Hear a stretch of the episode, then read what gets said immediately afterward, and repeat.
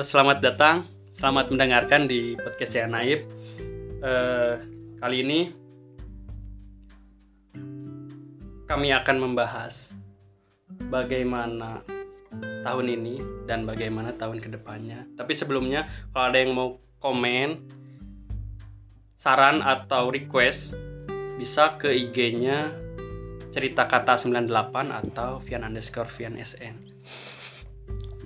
Kenapa saya bilang kami? Karena saya tidak sendiri ada teman saya. Boleh sebut nama atau saya hai aja. Saya melindungi uh, Privasi. hak privasi narasumber. Halo, eh, hai, nama saya Yogi. Eh, ya sebelumnya juga udah udah pernah main ya di podcastnya Pian Janaif. Yang dulu ngebahas apa sih ya? Lupa gua. Sama. Uh, Asmara bukan sih? Bukan bukan. Eh, tentang ini pencitraan. Pencitraan, iya. Dulu pernah main ke sini kok. Iya, iya. Ya. Paling awal langsung mulai aja. Hmm, Mau kurang dulu apa main dulu ya. dulu? Yang pemantik Tahun 2020, satu. 2021. Lupa. ya. Tahun 2021 menurut saya ini tahun yang satu sisi saya merasa ada kehilangan karena saudara ada yang berpulang.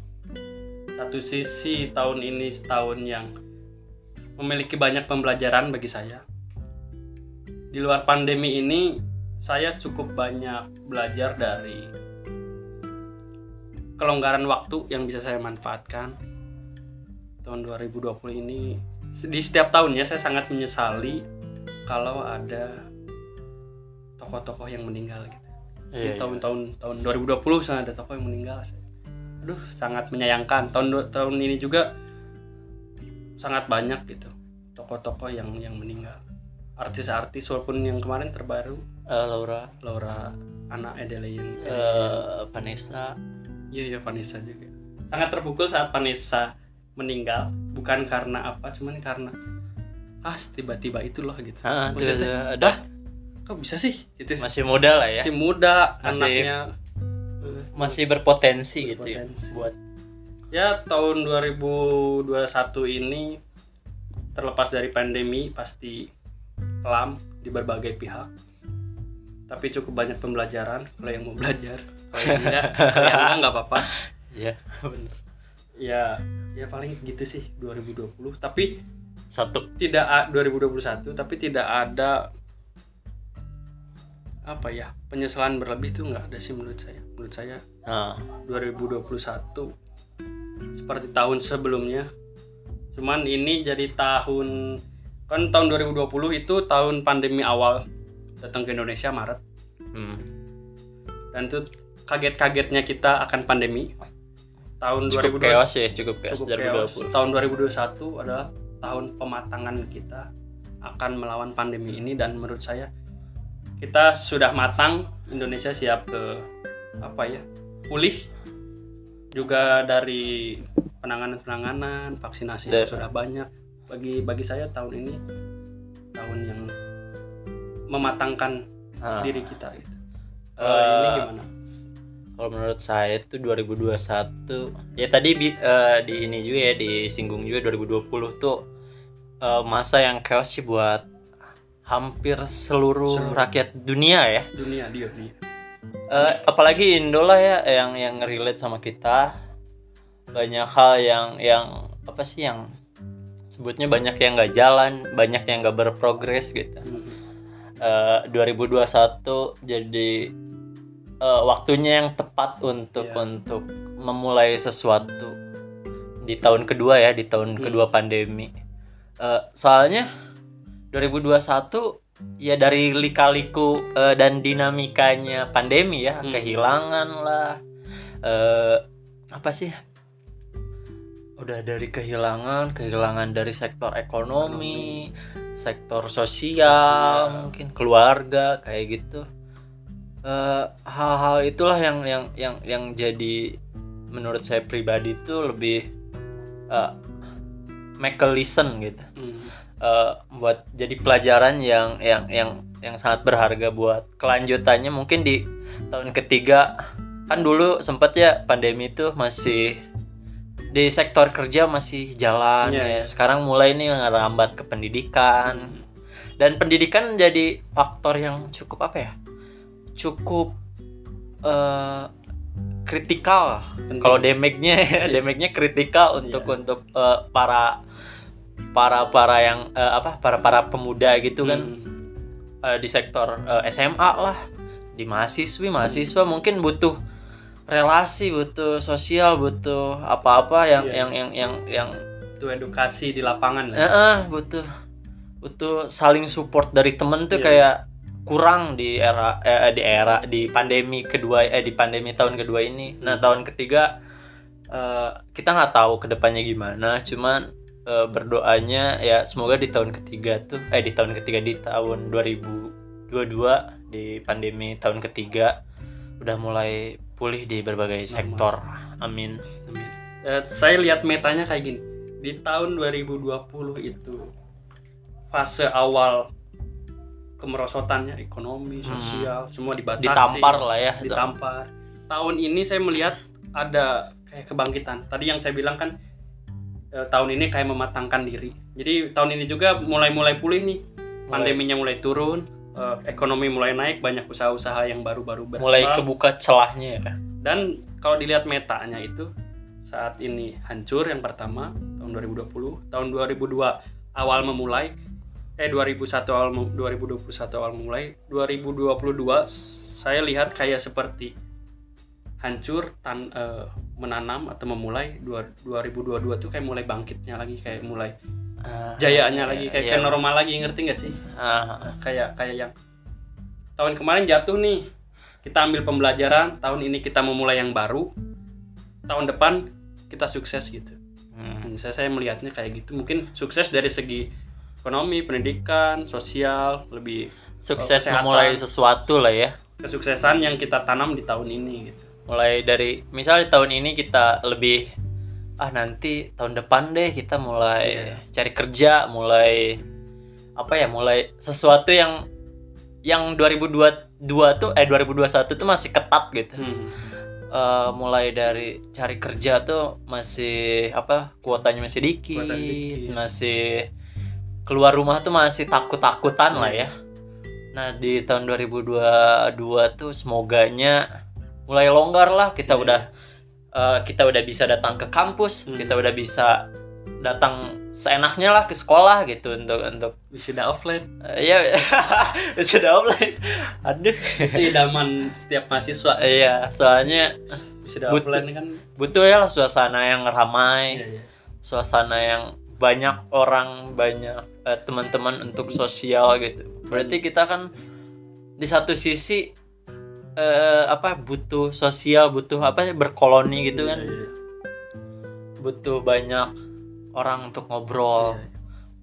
Nah di di di tahun 2022 ya 2000 Semoga eh, non eh, kebersamaannya itu mulai kembali lagi kebersamaan dalam hal eh, eh, di masyarakatnya gitu. nya Mulai mulai pulih dari Iya.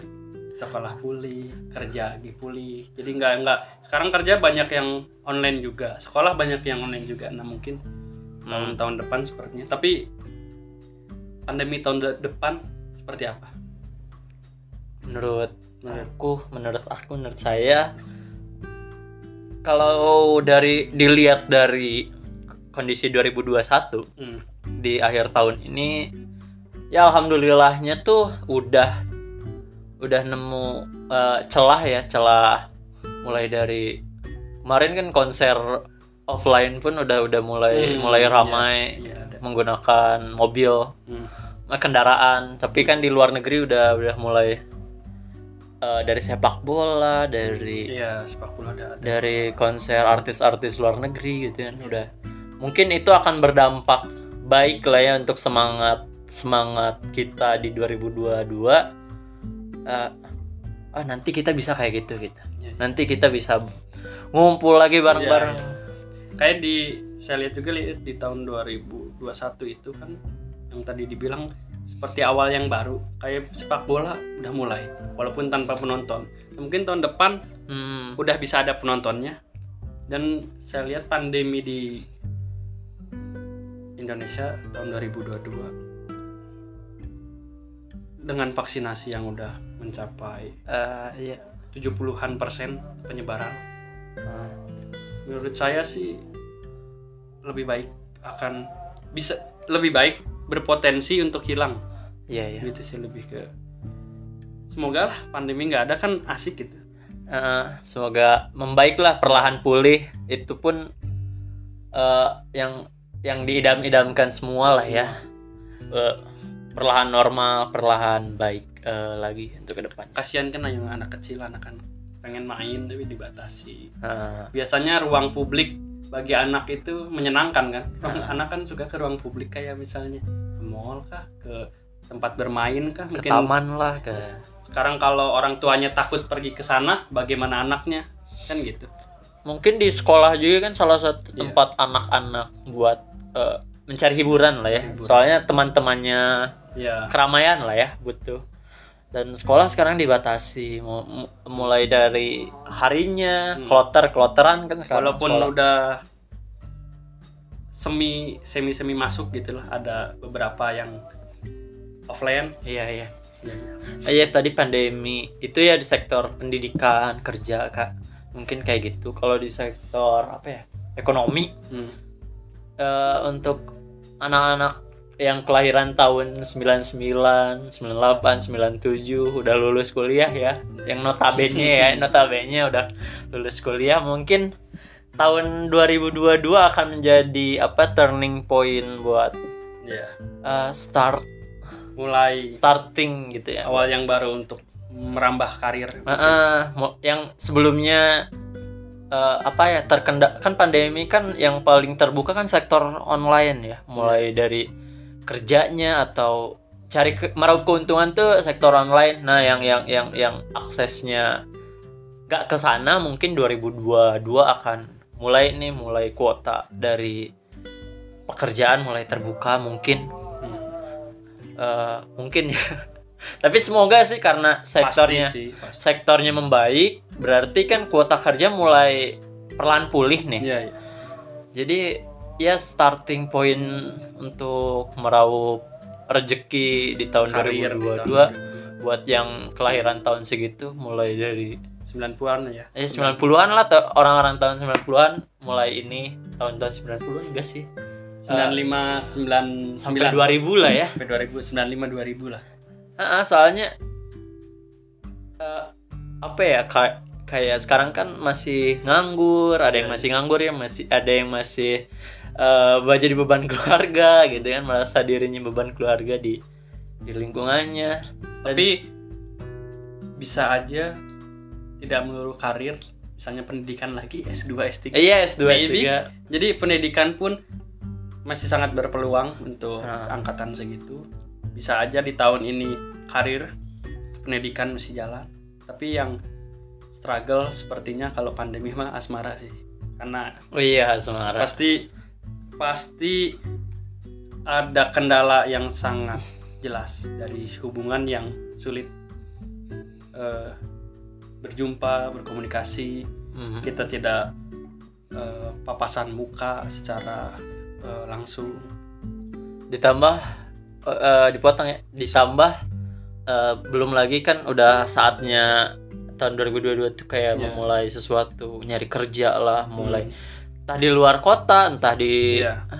luar negeri pun gitu kan maksud tuh ada hubungan yang LDR ada yang di mana dua sejoli ini punya ambisi yang masing-masing gitu untuk bisa aja eh, karena karir memisahkan ah, hubungan. Atau bisa aja karena karir dipertemukan dengan orang yang baru bisa aja bisa aja loh. rentan lah ya Rentan. rentan lah ya asmara mah sangat tapi untuk yang sudah berhubungan eh, berjalan eh, Eh. pacarannya bisa bisa dibilang bisa aja ke arah yang lebih baik juga karena mungkin adanya pandemi ini membatasi untuk perselingkuhan bisa saja jadi untuk menggenapkan rasa bisa aja untuk iya iya. iya selingkuh sepertinya susah. Lebih baik dengan kamu saja kan bisa Asik. aja. Bisa aja. Atau bisa tadi ah pengen kerja tahun ini jadi jauh Iya. jadi banyak struggle. Berarti sebaiknya dari sekarang dari tahun ini tuh udah udah mulai apa ya ada komitmen, mulai ada ada bahasa apa ya? ada ada keputusan ada keputusan. entah itu putus nah itu komitmen keputusannya itu itu keputusan untuk ber, Ada. untuk putus atau keputusan untuk berkomitmen Iya mulai mulai mulai apa ya, mulai cari pengertian lah, Saya mulai mengerti ya. saling mengerti tuh baik sih. baik, baik. buat buat keberlangsungan untuk saling ngedukung eh, ambisi masing-masing misalkan si cowok pengen kerja di di kota ini si cewek pengen stay di daerahnya cari kerja di daerahnya mungkin kayak gitu. Eh, ya untuk saling mengerti itu kayaknya jadi eh, apa sih? Keberlangsungan komitmennya lah ya. Hal yang harus dipikirkan bersama lah ya. Iya iya. Berarti jangan pasif lah hubungan Jangan di tahun ini berarti tahun tahun 2021 berarti Eh, tahun penentuan untuk penentuan. Soalnya jangan pasif lah. Jangan secara kasih. secara obrolan, Hmm. secara komunikasi lah ya. Iya iya. iya. Eh, apalagi 2021, 2022. Tahun baru nih. Oh iya, sekarang podcast ini dibuat tanggal 31 30 kan? D1. 31 dan besok tahun baru. Semoga podcast ini di podcast di akhir tahun ini menjadi awal untuk tahun depan yang lebih baik. Oh. Wis, oh, wis sudah ya tadi. ya? Ah. Wis. Eh, resolusi resolusi. 2022 untuk ah Yang jelas tahun 2022 adalah tahun kelulusan saya. semoga Ah jelas itu mah. Oh, Tidak, jelas. tidak ada semoga itu sudah jelas itu. eh ngomongin ini ya ngomongin struggle Kampus apa? eh, struggle orang-orang kampus sekarang Hmm. kayaknya eh, relate lah ya sama kita yang sekarang eh, terkena dampak. Iya. Salah satunya itu maksud tuh tidak bertemunya dengan teman-teman, tidak bertemunya dengan support system kita yang, Bisa yang, yang jadi- terkendala oleh Bisa jadi jadi penghambat karena ketidakhadiran eh, teman-teman gitu. Bisa jadi. Iya toh eh, ketemu dosen bimbingan pun online kan Iya. sekarang. Jadi kayak Susah, susah, susah. Banyak kasus teman-teman saya yang bimbingan online, dosennya itu pasif dalam eh, komunikasi via online. mulai ngeritik dosennya ini ya. Oke, lanjut. Ya universal lah. Ya, kita pakai universal. kata dosen tidak pakai nama jadi dosen pun kayaknya kalau yang denger dosen kayaknya iya emang seperti itu juga ada gitu Ah, mungkin struggle-nya dosen pun gitu Iya. dia di luar di luar apa di luar komunikasinya yang Hmm. pasif ternyata ada kesibukan yang lain kesibukan yang lain kan tapi nggak emang tahu. dengan adanya ini gini dah di tidak adanya pandemi untuk ketemu dos- dosen pun janjian pun susah. Apalagi sekarang dengan pandemi ada via online bisa Ah. aja lebih susah lagi gitu. Iya iya. Ada kasus kerasa sih. teman-teman yang mau bimbingan tuh sibuk sibuk sibuk tapi tidak ada kejelasan hari apa kapan Ah. minggu kapan kan. Terabaikan lah ya. Terabaikan. itu juga jadi struggle buat yang masih kuliah. Soalnya kan kalau kita di kampus ini eh, apa ya eh, gambaran idealnya kalau nggak ada pandemi kan kita ketemu dosen Hmm. yang kita yang jadi dosen pembimbing kita kita tinggal datang ke ruangannya atau janjian emang jamnya ada di Hmm. Iya. sekolah eh, jamnya di, ada di kampus jam dosen. kosongnya kapan ya jadi kan enak maksud tuh terus tuh yang kerasa di di Yogi pribadi ya eh, struggle salah satunya ya temen biasanya ngerjain tugas bareng biasanya Iya. biasanya apa sih nanya ke sini nanya ke situ tuh kayak soalnya komunikasi jalan ke komun eh, apa? kebersamaan jalannya kebersamaan jalan ketemuan pun gampang, gitu Gampang. aksesnya gitu sekarang kan udah udah di rumahnya masing-masing entah itu di luar kota entah itu di untuk ngechat aja kita bingung Iya. untuk ngechat aja uh, overthinking kita tuh ah, Ragu. takut ganggu lah Iya, ah, ragu. takut takut Eh, dia tuh nanyanya cuma tugas doang nggak nanyain apa-apa kan. Takutnya banyak hal yang yang yang, yang menjadi faktor lah. Kalau dulu kan mungkin sama-sama eh, apa ya nuga, nugas tuh masih hektik hektik. Hektik.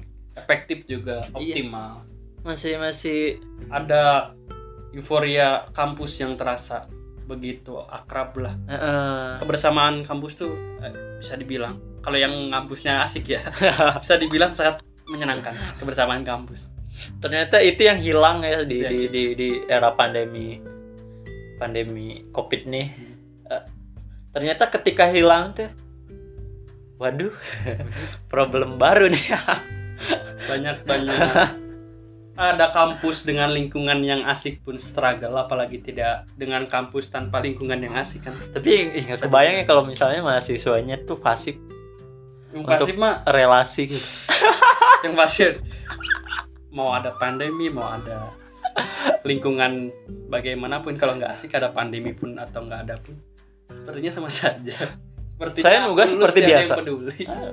Saya nugas nggak ada gangguan tuh soalnya biasanya juga nugas ngebut nggak tergantung sama orang lain gitu asik. Saya wisuda tidak ada yang tahu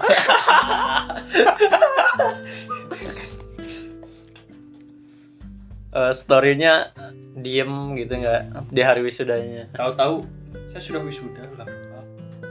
Emang tidak asik itu orang. Eh tapi nggak dia juga maksud tuh punya eh, Tidak bisa tanggung jawab lah ya. Iya tanggung jawab lah terhadap dirinya sendiri Iya. untuk mengatasi apa sih mengatasi masalahnya gitu. Mau sebenarnya mau dia asik nggak asik asal nggak ganggu kita ya udah. Cuman ya lucu aja di komentari gitu. Iya iya. Di lingkungan tidak lingkungan kampus tidak. Tidak join, interaktif lah tidak ya. interaktif. Di jadi ada atau tidak ada lingkungan itu online atau offline pun sepertinya dia tidak. Peduli tapi bagus loh untuk orang-orang yang udah beres udah wisuda Eh, udah selamat mencari kerja. Selamat mencari kerja lah untuk keberlangsungan selanjutnya. Soalnya mereka juga eh, berhasil lah mengoptimalkan waktu. Hmm ya ya. Kan kebetulan kalau nggak kalau ada pandemi jadi nggak diganggu sama sama apa waktu yang terbuang lah. Kayak Iya, iya. misalkan nongkrong lah Nongkrong, atau main eh, traveling lah gitu Iya, iya. ke mana weh gitu kan.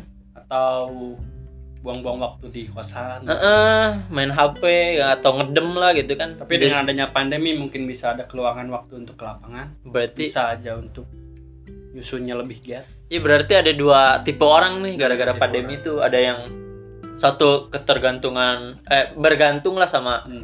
sama eh, apa ya orang-orang di circle-nya. Kebersamaan. kebersamaan lah ya. Dan satu ada yang merasa ah luang tuh waktu kita waktu waktu kita untuk bisa ada yang mengoptimalkan ada yang kehilangan. Justru karena tidak ada Cuman- kebersamaan ini. hampir sama masalah masalah kita di pandemi itu ya yang sebagai mahasiswa mungkin untuk akses akses orang akses sumber akses Ya. ya keberlangsungan skripsi itu kayak Hmm. terhambat lah model ke perpus nggak boleh ini nggak boleh Ya, ke perpus di kampus saya belum bisa Nah, Kemarin-kemarin nggak tahu untuk sekarang. nyari buku untuk Iya. nyari buku secara offline Hmm. apa ya mencari buku secara langsung untuk beberapa perpus untuk beberapa jadi kita ngandelin online ngandelin PDF online. Ya struggle lah itu mah Hmm. hampir sama lah mau yang tadi udah lulus atau belum lulus. Eh udah lulus sama yang belum lulus nah bener. Ya ya.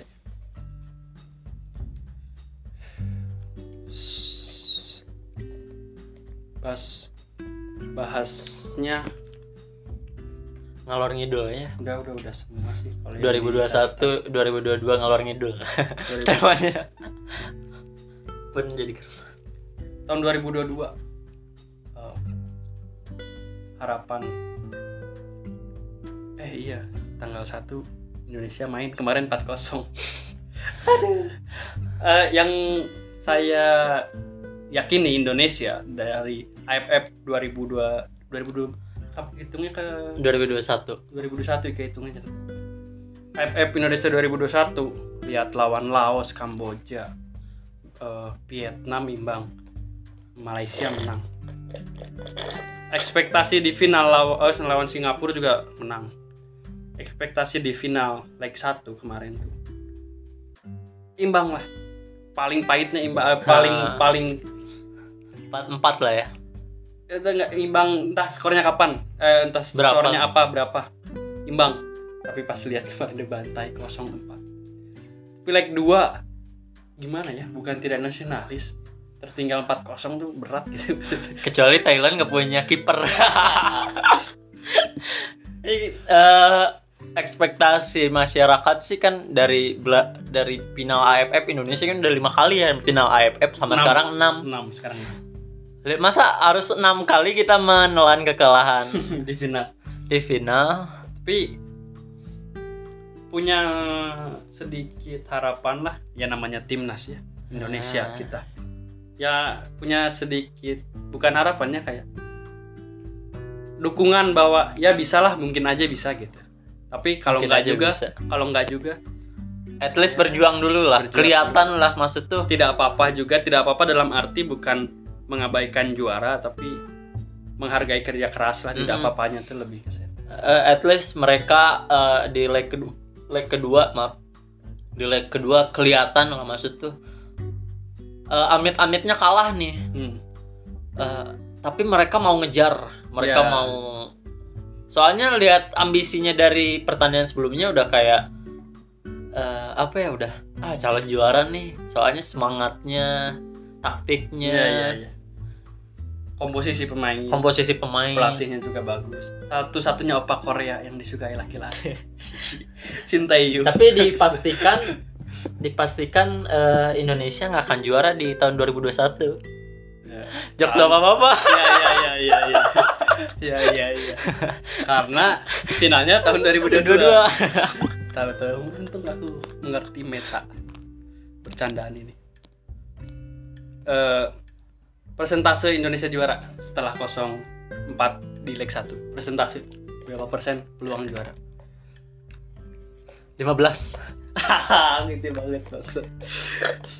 Orang masih 25 30 walaupun itu jauh dari 50 tapi 15 masih ada ya guys ya? Masih ada.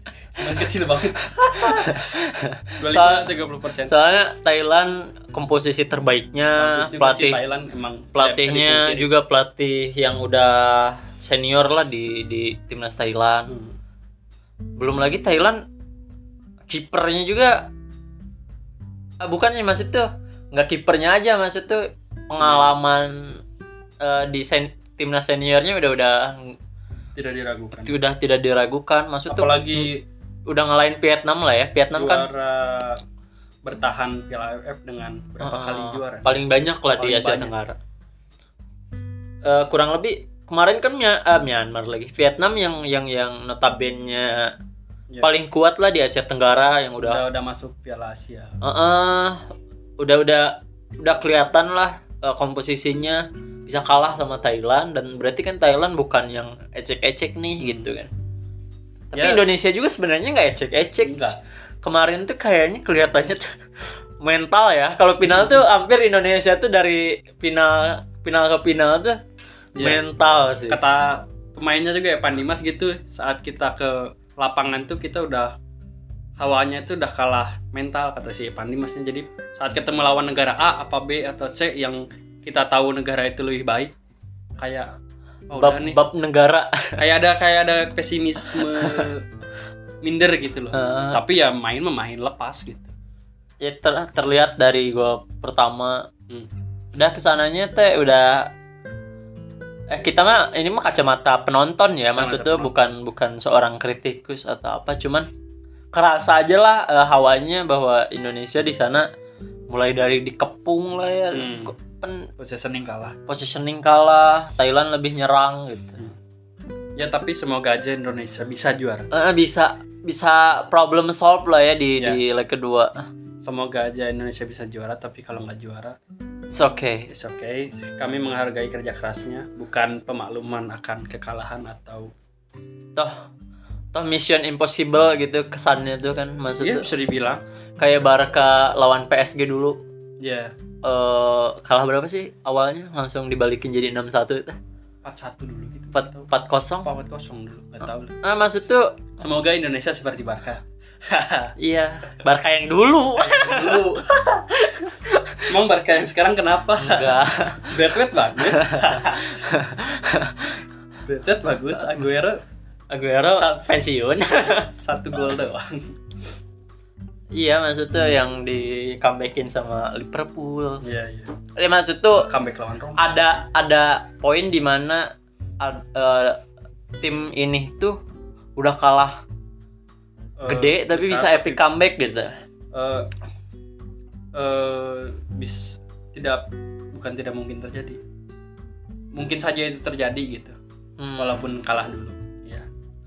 Gitulah sepak bola ya Indonesia cukup menarik soalnya hampir semua kalangannya sekarang lagi apa ya memperhatikan eh, ini nih liga ini tuh lagi diperhatikan sama Iya. masyarakat Indonesia mau muda-mudi mau bapak-bapak mau anak-anak karena momen eh, sepak bola kan udah gara-gara pandemi ya kembali Iya, lagi iya. gara-gara pandemi momen Indonesia eh, momen timnas lah ya udah untuk tanding tuh udah lama lah nggak lihat gitu kan kangen Hmm. juga maksud tuh Apalagi di ajang AFF internasional juga gitu ada piala yang dikejar gitu. Mm-mm, Bukan persahabatan biasa.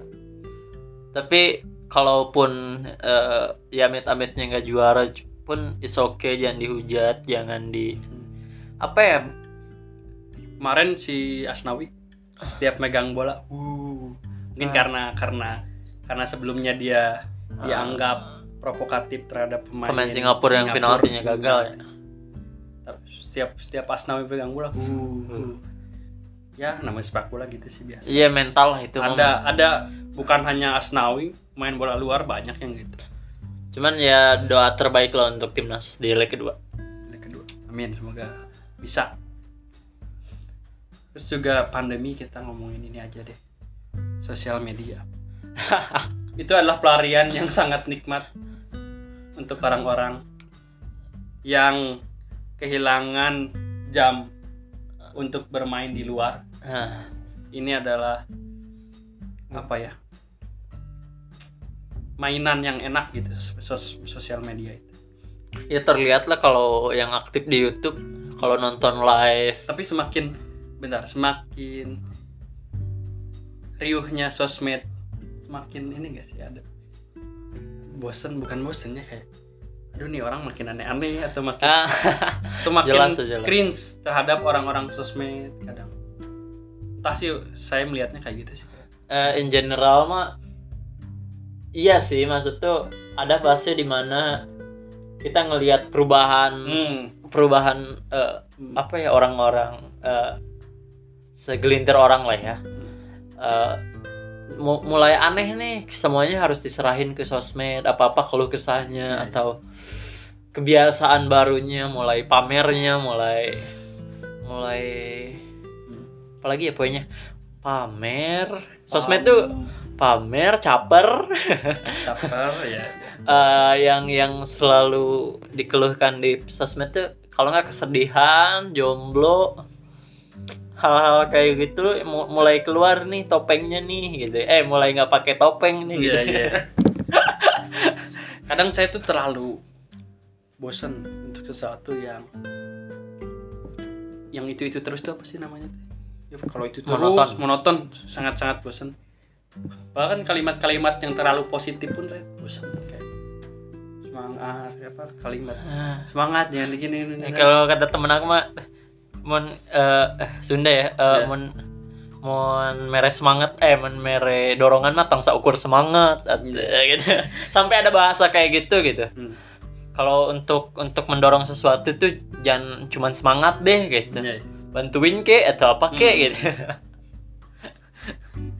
Selamat selamat seribu kali tidak akan membantu progres. progres itu progres hanya di bertambah ketika kinerja itu berlangsung bukan Berarti- oleh semangat. iya kata-kata manis ini tuh jadi pahit saking seringnya apa ya guys saking seringnya diutarakan saking seringnya kita konsumsi lah Hmm. kita ya soalnya gak semua orang eh, menanggapi semangat tuh Eh, sebagai hal hal, yang yang buruk, gitu. karena kita sering eh semangat ya bantuan kek gitu sosmed itu eh, makin sini saya sukanya itu lihat-lihat yang tidak berbau-bau eh, positif melulu gitu hmm. suka yang sedikit aneh gitu aneh dalam tanda Unik. kutip ya unik gitu soalnya kalau yang monoton tuh bosen entah entah itu Mhm. entah itu apa pun lah tapi ngomong-ngomong sosmed banyak sekarang lagi berita-berita negatif pelecehan Nah, pemerkosaan. Di Ah, tahun di tahun ini nih tahun-tahun baru ini. baru speak up nih baru ada yang mulai mengutarakan Tahun- lah tentang pelecehan Gi- seksual. Gila sih lihat berita tentang oknum oknum. oknum Polisi. ber ente tong polisi. Eh. Oknum. Ya, polisi kan jen- eh, luas gitu Iya. maksudnya polisi sekarang oknum citranya kan- aparat lah oknum aparat, aparat. Aparat kan ada sekarang citranya menurun. Bukan siapanya bukan apanya cuman aduh tamat cuman itunya. Citranya menurun ngomong Oh, iya, iya. menurun tidak apa-apa. Bahkan Ma- mata Najwa pun oh iya temanya polisi bisa eh bukan polisi polisi bisa apa? PSSI juga PSSI bisa apa? Terus Dikritik. polisi apa gitu kemarin? Ya cuman eh ada apa dengan polisi kalau nggak eh Polri ada menantu idaman para para mertua nih pada pada error nih nih pada pada mulai mulai keluar nih. Nakal. sebagian. Topengnya gitu mulai kemarin ada yang sampai bunuh diri di makam ayahnya gara-gara. Ini kan polisi di Ukraina kan? Masih di Ukraina. Iya di Ukraina bukan di Indo ya. Jadi saya baik-baik. Aparat di dalam negeri mah terbaik ya pak. Eh, lanjut. Saya dulu cita-cita Warli kok Eh, ini eh, Israel. Ya gitulah eh, berita-berita negatif. Lagi miring lah ya untuk eh, untuk orang-orang yang kita anggap eh, kita anggap eh, apa sih sebagai panutan. sebagai panutan sebagai yang melindungi, melindungi mengayomi melayani. Nah itu eh, lagi banyak lah berita miringnya. Belum lagi sekarang dosen sebagai dewan Iya. pengajar. Terus, para pendidik pendidik ini mulai mulai ke, mulai banyak yang ketahuan nih. Iya iya iya. dari mahasiswa yang speak up, siswa yang siswi yang speak up, dan sosmed pun mempermudah itu ya, mempermudah mempermudah orang-orang yang merasa dirugikan, merasa di dilecehkan atau apa pun bisa lebih berani lah lebih berani. tapi di satu sisi berita kayak gini tuh bagus untuk ke depannya dalam arti beritanya ya Hah. maksudnya semakin banyak media massa yang mengu- mengemukakan tentang pelecehan semakin banyak mungkin pelaku pelecehan yang mengurungkan niatnya. Saya, aduh banyak berita gini nih. learning gitulah ya, kalau aku melakukan itu sepertinya aku akan kan eh, terkena imbas terkena gitu. imbasnya. Dari dari ininya dari apa? dan juga jadi pembelajaran supaya kita cowok cewek untuk Lebih- menghindari dari lingkungan-lingkungan orang-orang yang notabene kita nggak tahu tapi bisa berpotensi melecehkan kita. Iya lebih menghandle, lebih Jadi, mengontrol akar da- eh, ap- apa akal sama nafsu gitu lah ya. Kalau lihat berita pelecehan seksual gini-gini gini kan mungkin yang bacanya juga oh bagaimana caranya saya agar tidak seperti itu atau mungkin sebagai sebagai calon pelaku oh sepertinya berita-berita kayak gini akan membahayakan saya jika Ah. saya melakukan ini jadi ya janganlah jangan Janganlah Semoga. sebelum lagi ini kan eh, awamnya di di kita gitu maksud tuh di orang-orang ngomong-ngomong seks awam tabu Heeh, maksud tuh belum tapi di lingkungannya terjadi gitu. Iya. Untuk ngebahasnya, untuk speak up-nya awam, tabu. Tapi ta- ternyata di lingkungan kita yang eh, kampus pun orang-orang terdekat kita atau orang-orang merasa ada nih masalah nih terhadap terhadap mulai dari pelecehan dari sesama mahasiswinya eh sesama mahasiswanya, mulai dari pendidik. Nah, sekarang tuh yang yang yang jadi masalah tuh untuk bahkan pesantren sekarang Ling- lingkungan pendidikan Islam lagi ya Islam. maksud tuh agama lah ya bukan Islam malah ya. baru baca kemarin riset eh, pelecehan seksual di pendidikan eh, bukan berbau agama ya pendidikan yang mengarahnya ke pela- pelajaran agama itu lebih berpotensi lebih lebih tinggi malah daripada pendidikan eh, normal Umum. kayak SD SMP SMA biasa dibanding pesantren dan lain-lain katanya tapi nggak tahu juga dulu kan nonton podcast Om Ded itu sama Cinta Laura tuh yang ngebahas Hmm. tentang potensi orang sagne sagne sama sama hal-hal yang berbau aksesoris kayak hijab tuh ada berapa persen? Mhm. orang eh, ma- siswi atau atau apa menggunakan eh, apa baju sekolah menambah persentase seksual kan cukup aneh juga ya fetis fetis orang-orang sekarang. Enggak orang-orang sekarang sih untuk sebagian kecil eh sebagian orang lah ya. Yang baru diketahui sekarang. Yang baru bisa sekarang mungkin dari dulu mungkin ada, ternyata emang emang memang ada yang dari dulu sukanya dari dulu ternyata masih belum ke expose Iya. dan sekarang tapi setuju juga ya dengan langkah Pak Nadiem Makarim untuk apa untuk eh, apa ya untuk ngebuka peluang jika Iya. ada eh, apa jika ada eh, kelakuan atau hal-hal perilaku perilaku yang berhubungan sama pelecehan seksual Hmm. Eh, si korban tuh yang paling didengar paling Hmm. di diutamakan diprioritaskan oleh oleh orang-orang oleh apa yang disebutnya teh keamanannya teh yang yang bakal menindaklanjuti teh oleh orang yang menindaklanjuti kasus tersebut lah kasus ya tersebut Hmm. prioritas yang Ya, ya. jadi korban soalnya emang udah lazim nih di Hmm. kalangan masa kita harus nyalahin korban terus kan tapi sering ya ya maksudnya ya banyak sering sering eh, victimnya tuh yang yang jadi jadi yang disalahkan.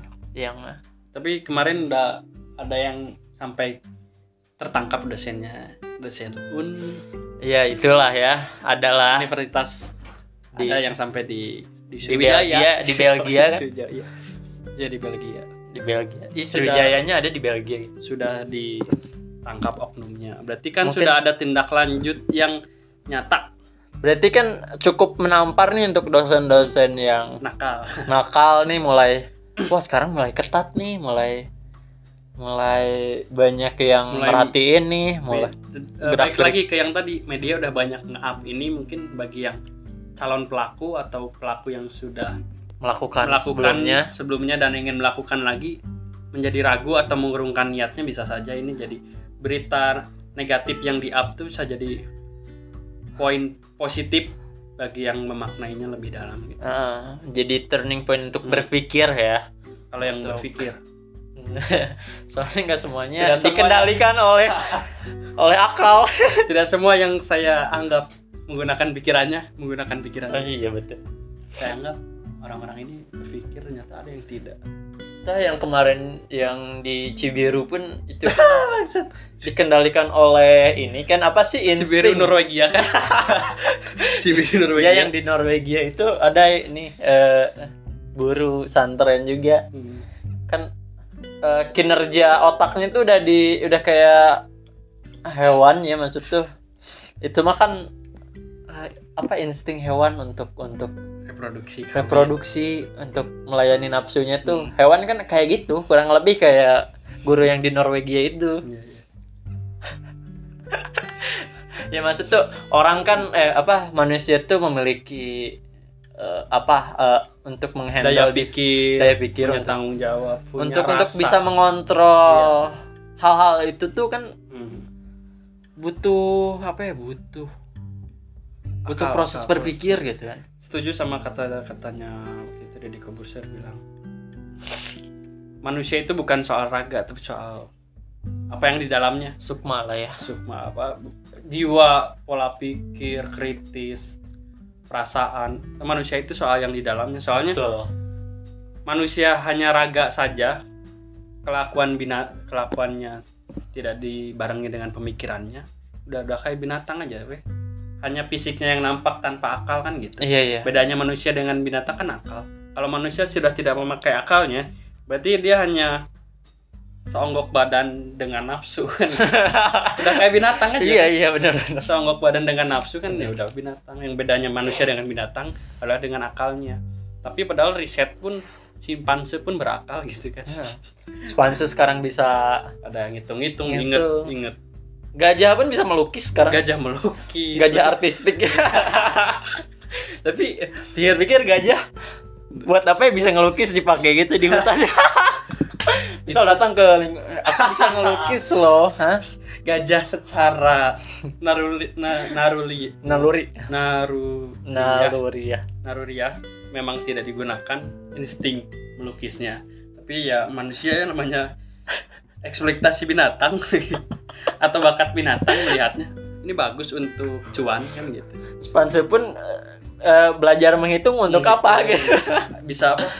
Daya memori. Berarti kan untuk menampar kita nih manusia eh, hewan Manusia aja bisa. bisa melat eh, bisa berlatih Iya, untuk iya. pandai gitu.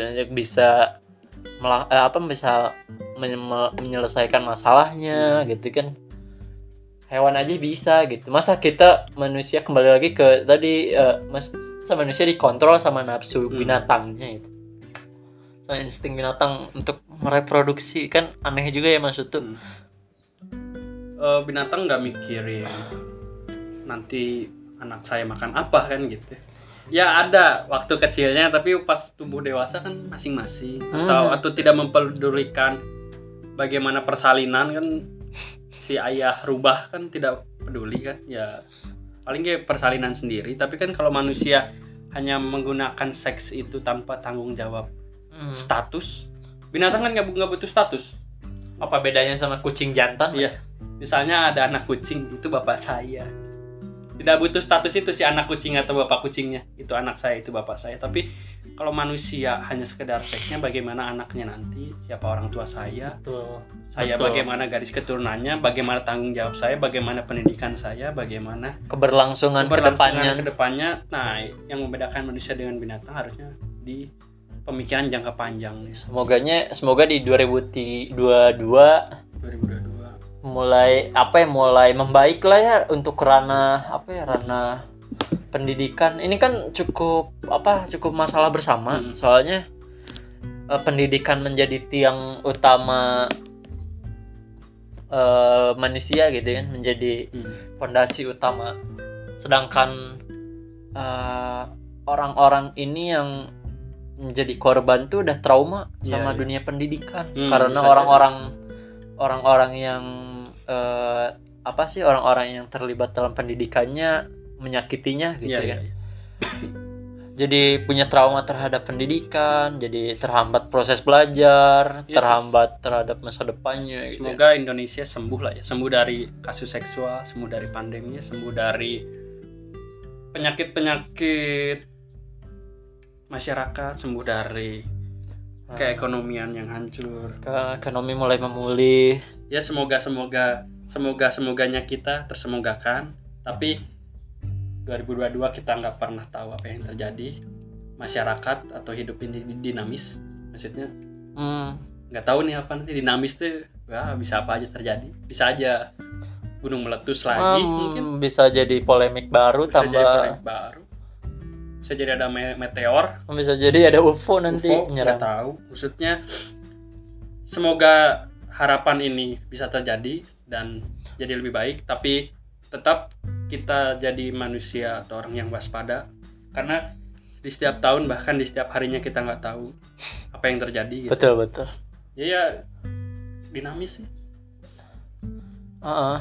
kadang kan sekarang masih banyak.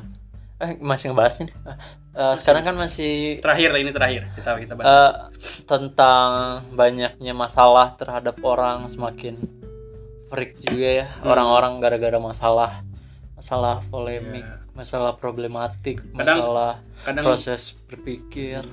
Kadang tak nggak ada- kadang ada masalah pun kita bingung. Kadang nggak ada masalah pun kita yang cari masalah. Mencari masalah. Masalah bisa diada-ada hati-hati. Maksudnya nggak namanya kita lagi mungkin banyak tekanan stres. Stres. Masalah yang kecil bisa jadi besar. Betul. Yang besar bisa membahayakan. Yang tidak ada bisa jadi ada. Ya ya kurang lebih sekarang lagi. Tahun ini tahun yang sulit. Tahun yang cukup apa ya? Eh naik turun lah ya naik, Naik turun. turun. apa pun. Ya. eh terakhir deh ada ada pesan nggak atau apa? Untuk yang ngedengar mungkin ada pesan. Kalau nggak ada nggak apa-apa.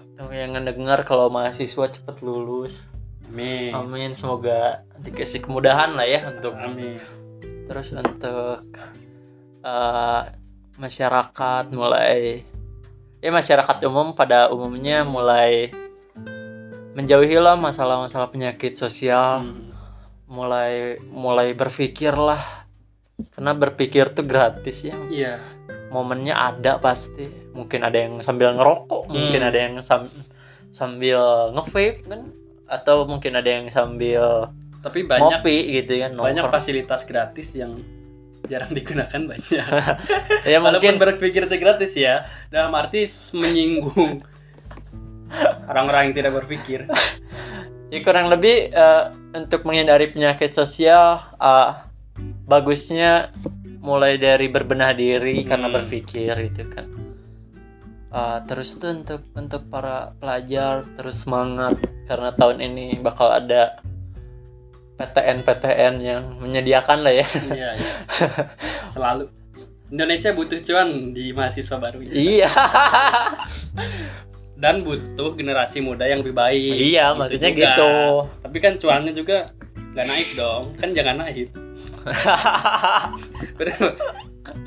Kampus juga hidup karena mahasiswanya yang bayar semester. Betul nah ya paling pesan-pesannya semoga membaik di 2022 oke oke eh, keramaian Kembali. keramaian mulai kembali normal Hmm. mulai kembali memulih ekonomi sih yang jelas soalnya terdampak lah kita pribadi pun Hmm. kena gitu Eh, salah satu keuangan kita pun Iya, eh, mempengaruhi lah ya. mempengaruhi Kalau dari saya sa- saran terakhir lah tahun 2021 ini di akhir tahun ini semoga tahun se- tahun ini 2021 jadi pembelajaran yang berarti. Semoga dari tahun ini kita menjadi orang yang lebih baik ke depannya. Semoga semoga semoga dan semoga hanya hanya itu yang bisa dilakukan oleh manusia. Semoga dan semoga. pandemi juga kan nggak tahu ya ke depannya gimana gitu. Maksudnya mungkin ada varian baru semoga tidak masuk gitu Iya. ya kalau sudah masuk kabur kemarin ya Intinya oke oke lanjut. Ya, ya, ya intinya semoga tahun kemarin tahun 2021 ini jadi pembelajaran tahun depan jadi lebih baik. Terus buat orang-orang yang Indonesia semoga juara lah pengen lah Indonesia ngangkat trofi gitu. Di awal Ketika- tahun lagi ya pembukaan tahun ternyata Hmm. Indonesia memberi hadiah gitu ya. Dan buat yang dengar semoga hari-harinya jadi lebih baik lagi. Semoga dengan mendengarkan ini jadi lebih kritis. Mungkin dari mendengarkan ini jadi lebih berpikir lagi lebih lebih mau belajar lebih lagi. aware lah ya. Balik lagi berpikir itu gratis. Semoga menggunakan fasilitas itu dengan baik karena itu pemberian yang membedakan kita dengan binatang. Semoga kita menggunakan akal kita dengan baik. Semakin baik seseorang semakin tidak asik itu wajar. Eh, mungkin segitu dari kami. Dari- atau mau ada tambahan lagi? Udah, udah. Terima kasih ya. Segitu dari udah diundang. Segitu dari kami. Eh sekali lagi kalau yang mau pesan kritik pesan saran Masukan. komentar eh, request bisa ke IG cerita kata 98 atau ke IG-nya Vian underscore Fir 98 dan saya sangat mendengar apa yang eh, kalian sampaikan. Eh, sekian dari saya. Sekian juga dari Yogi. Bye. Bye